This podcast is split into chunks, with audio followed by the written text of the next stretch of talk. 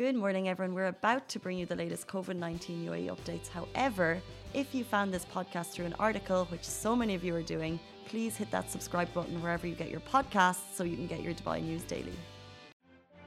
Good morning, Dubai. How are you doing? Welcome back to Lovin Daily. I hope you're having a brilliant start to your morning and you're going to have an even better day as the day goes on. Um, today, we have some very interesting stories. We're going to be talking about the latest vaccine that you can trial in Abu Dhabi. We're going to be talking about new travel requirements for GCC travelers coming into the UAE. And we're also going to be talking about an amazing story of an expat who fell off a yacht after leaving Dubai Marina and swam for two hours to safety. He actually swam for his life. Uh, but before we get into the show, I asked a question yesterday. I'd love to get your thoughts. Are we too Christmassy or not Christmassy enough? And something else I'd love to know is your tree set up at home? And if it is, please share with us the photos on Lovin Dubai because I'd love to see them. There's something I, th- I just feel like people bought their Christmas trees like two weeks early earlier than usual. It's impossible to even get a Christmas tree in some places; they've already sold out. Um, and I just feel like people have gone over, above, and beyond uh, for the holidays this year. So if you have photos, I'd love to see them. Share them with us. And also, there's actually a Christmas page, a Facebook page, and if you um if you celebrate the holidays, you're probably already following it. It's on Facebook. It's called Christmas Madness UAE. Um, and it just shows the incredible things that people are doing in their houses for Christmas the lights, the decorations. It's amazing. So if you love Christmassy things and you love Chris, uh, Christmassy vibes, do check it out. But we'll run into our top stories. Number one, the Sputnik vaccine trial is now open for volunteers in the UAE.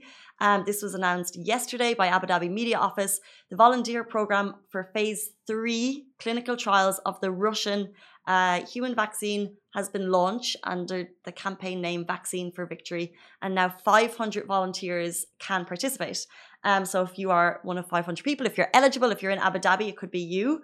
Um, there's a couple of things that, uh, couple of eligibility requirements. So you need to be at least 18 years old, have not been infected by COVID 19 you have not suffered any communicable or respiratory diseases in the last 14 days, nor have you already participated in any other COVID 19 vaccination trial. Um, what will happen of the 500 people that are selected? Uh, you will receive two doses of, of the vaccine, vaccines, excuse me, administered 20 days apart, and you will be met, regularly monitored through visits and teleconsultations. So, if you're interested, uh, you can go on to www.v4v.ae that is like i said it's the vaccine for victory.ae and uh, you'll find it there. So they're only looking for 500 because i remember with the previous uh, for the sinopharm trials they were looking for what was it 30000 and they got it so if you're interested i would get in there fast i would swoop in um, for that tribe. Like I said, you need to be in Abu Dhabi. So, any Abu Dhabi watchers, if you're listening um, and if you're interested, do check it out. Alibaba, would you be going for the vaccine trials? This is phase three now of the Sputnik uh, vaccine, which is the famous Russian vaccine that we've heard so much about. No, I get. Um, I, I told, like I said before, I'll, I'll wait. what I'll will wait. you What will you wait for? I don't know. I'll just wait until like it's official and it's a must to get the vaccine. Mm. Mm-hmm. Like, like I have to get it. Like, uh, like uh, it's an issue from the government that you have to get the vaccine. Otherwise, uh, I, I've, I've uh, fully uh, like accustomed to the life of you know living in now living in the COVID era. Living in constant sanitizing. Rich made a good point. Um, our boss and CEO Lovin, he made a good point that if he'd rather just get COVID and recover from it I don't know about that. But you can get COVID again.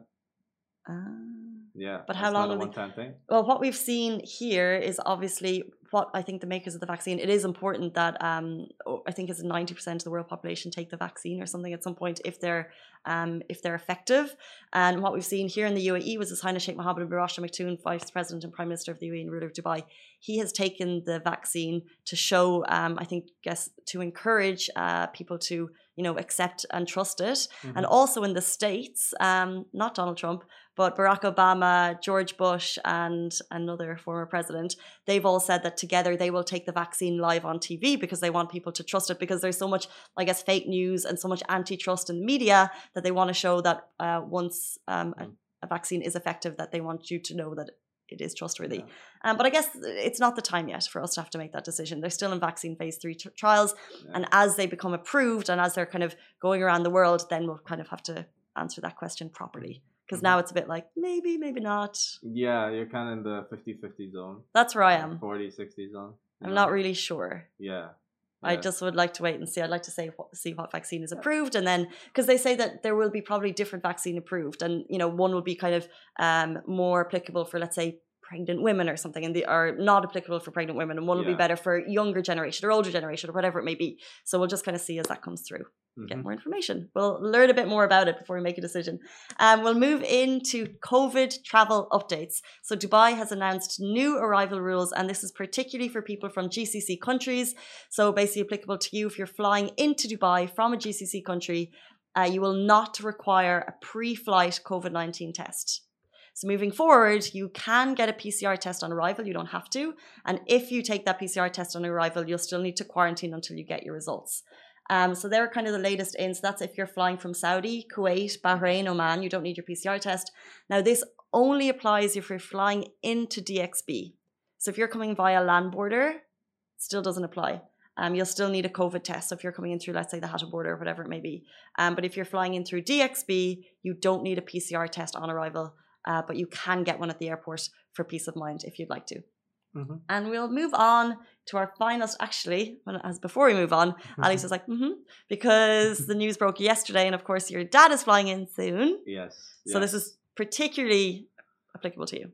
yeah like uh i'm well, like I, I would still suggest like uh, to tell to tell my dad like just take the covid test out of like like being safe you know Mhm. uh, and uh, that's all just the peace of mind as well like you said. Hundred percent, I'm the Yeah. same. I'm traveling at Christmas, and I'm traveling to the UK, London. I don't need the test, as far as I know, but Mhm. definitely before I go and before I come back, I'll 100% be getting it. Be- Well, especially before I leave, because it's so easy to get it here. It's so cheap. Results take less than 24 hours. Mhm. Um, by the way, Simran, who's not here on Tuesday, who's usually here on Tuesdays, uh, she just flew back from India and she has her negative. She just got her results this morning, so she's not joining us on the show this morning, but she'll be here tomorrow.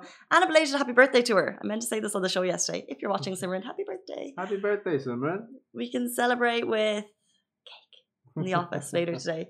Um, but she got, she had, well, I can actually get her experience on travel tomorrow. Lovin Extra is here. This is the new membership, and while absolutely nothing changes for our readers, extra members get access to premium content, exclusive competitions, and first look for tickets and access to the coolest events across the city, and Lovin merch. If you subscribe right now, a very cool Lovin Red Eco Water bottle will be delivered to your door. Um, but we'll move into our final story, guys. This is kind of jaw touching the floor type stuff. A Dubai expat fell off a yacht and swam for two hours to reach shore. So this is Rajveer Vakani. He was on a yacht for a friend's birthday, like so many of us have done. He left from Dubai Marina. I guess it was an evening yacht at about five thirty. Um, they got out to. I'm assuming it's close enough to the Burj Al Arab because that was his kind of viewpoint when he needed to swim. And what happened was everyone on the yacht was going up to the upper deck, you know, to get the view, to get the pics, whatever it was. He was the last person to go upstairs. And then from there, he just, I don't, hmm, I'm not sure exactly, he just fell in or slipped overboard, whatever it was, whatever he was doing. He was the last person to go upstairs. He slipped overboard. Um, he said, he shouted, he whistled, couldn't get anyone's attention. He said, he, I guess it looks like he like threaded water for like, this is, this is in Marina, by the way, it's so close to Marina. He was threading water for like 15, 20 minutes um, before he realized that the boat wasn't turning back because I guess it was on that turning point at the Burj Al Arab. If you notice when you go out and the boat comes back, so he decided uh, after threading water, he was still in his like white shirt and jeans at this point. He was threading water, and then he decided he just needed to swim for it. Took him two hours. He guesstimates of swimming. Um, he said he lost his phone, obviously, and his camera on the way, but he had his watch still on him. Um, and he did it. You know, he was spluttering by the end of it. I think there's a little bit of vomiting, obviously, as you know when you arrive. Um, but he got to shore.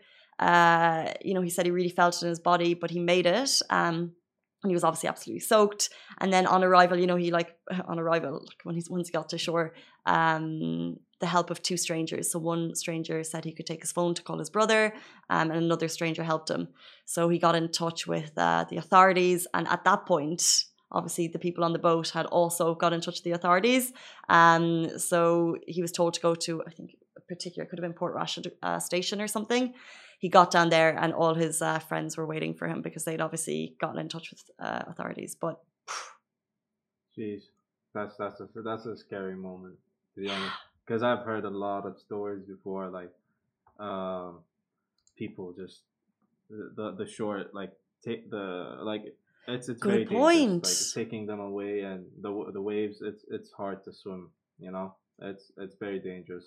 And the know? water here can be so choppy. and and especially if no matter how experienced you are, still the waves that would come at you are like very like you you you have to swim in a particular way in order not to drown. Yeah, not as in like if you. 100% if it's not even the waves it's these rip tides rip currents. Yeah. and if you get caught in one you Yeah. have to have the experience I, I assume Yeah. he wasn't. You have to have have to have the experience to not let the water pull you back. And I guess that's what he um that's what he did. Uh I guess he wasn't caught in one. Um but he made it uh he like 2 hours of swimming. I guess that start the start of that swim must have just been swim or die type of thing. Yeah, that, that Um, was his only option. hmm You know, uh, he went into survival mode, and you know, thank God, Thank God. thank God, thank God he made it. You know, Thank God he made it. Um, before we go, quick reminder the Lovin Dubai Advent Calendar is here. It's 24 days of big prizes. And we're talking to you about it every single day because a new prize goes live on Lovin Dubai every day. It's an article and then we put it on Facebook, Twitter. So if you want to get it there, you can also find it on the Lovin app. So if you download the app for free, you'll get it there. And some big prizes. So we're going to be, uh, every competition you see is live for three days and then we close it. Um, so the first one I want to talk you through is the pet shop. Um, we're closing that today. So if you want to win um, amazing hampers for your pets, I would get involved right now. Uh, there's nothing nicer than treating the people you love and the the I was going to say the fur babies you love the most at the holidays. Um, so this is some really really cutes for them. Uh, they basically at the pet shop have loads of festive treats for your animals. So if you want to get like uh, Christmas crackers or advent calendars, I think it is down at the pet shop. You can do that, and we're giving away some of that stuff on Lovin Dubai. So if you want to get that for your baby, for your fur babies, uh, check it out on Lovin Dubai right now. Also, um, this is day seven that went live a sparkling Christmas Eve dinner package for two at Yalumba. Um, so if you've lived in Dubai for a little while, you know that Yalumba was the OG of brunches. Um, brilliant party brunch down in uh, Le Meridien. Let me get the full name. Uh, Le Meridien Dubai Hotel and Conference Center, uh, and they're having loads and loads of Christmas uh, parties. But one in particular is the Christmas Eve dinner package, and you can win that for two if you go on to Lovin Dubai right now onto the website. Uh, fill in your details. It's just a name, your email, and some one really easy question because we basically want everyone to enter to get a chance to win these awesome prizes. And we'll announce that in two days' time. Guys, those are top stories. Hope you have a brilliant day, and we'll be back with you tomorrow morning with Simran to get the lowdown on what it's like to travel during COVID. Uh, see you then. Bye bye. Guys, that is a wrap for the Lovin Daily. We are back same time, same place every weekday morning. And of course, don't miss the Lovin Show every Tuesday where I chat with Dubai personalities. Don't forget to hit that subscribe button and have a great day.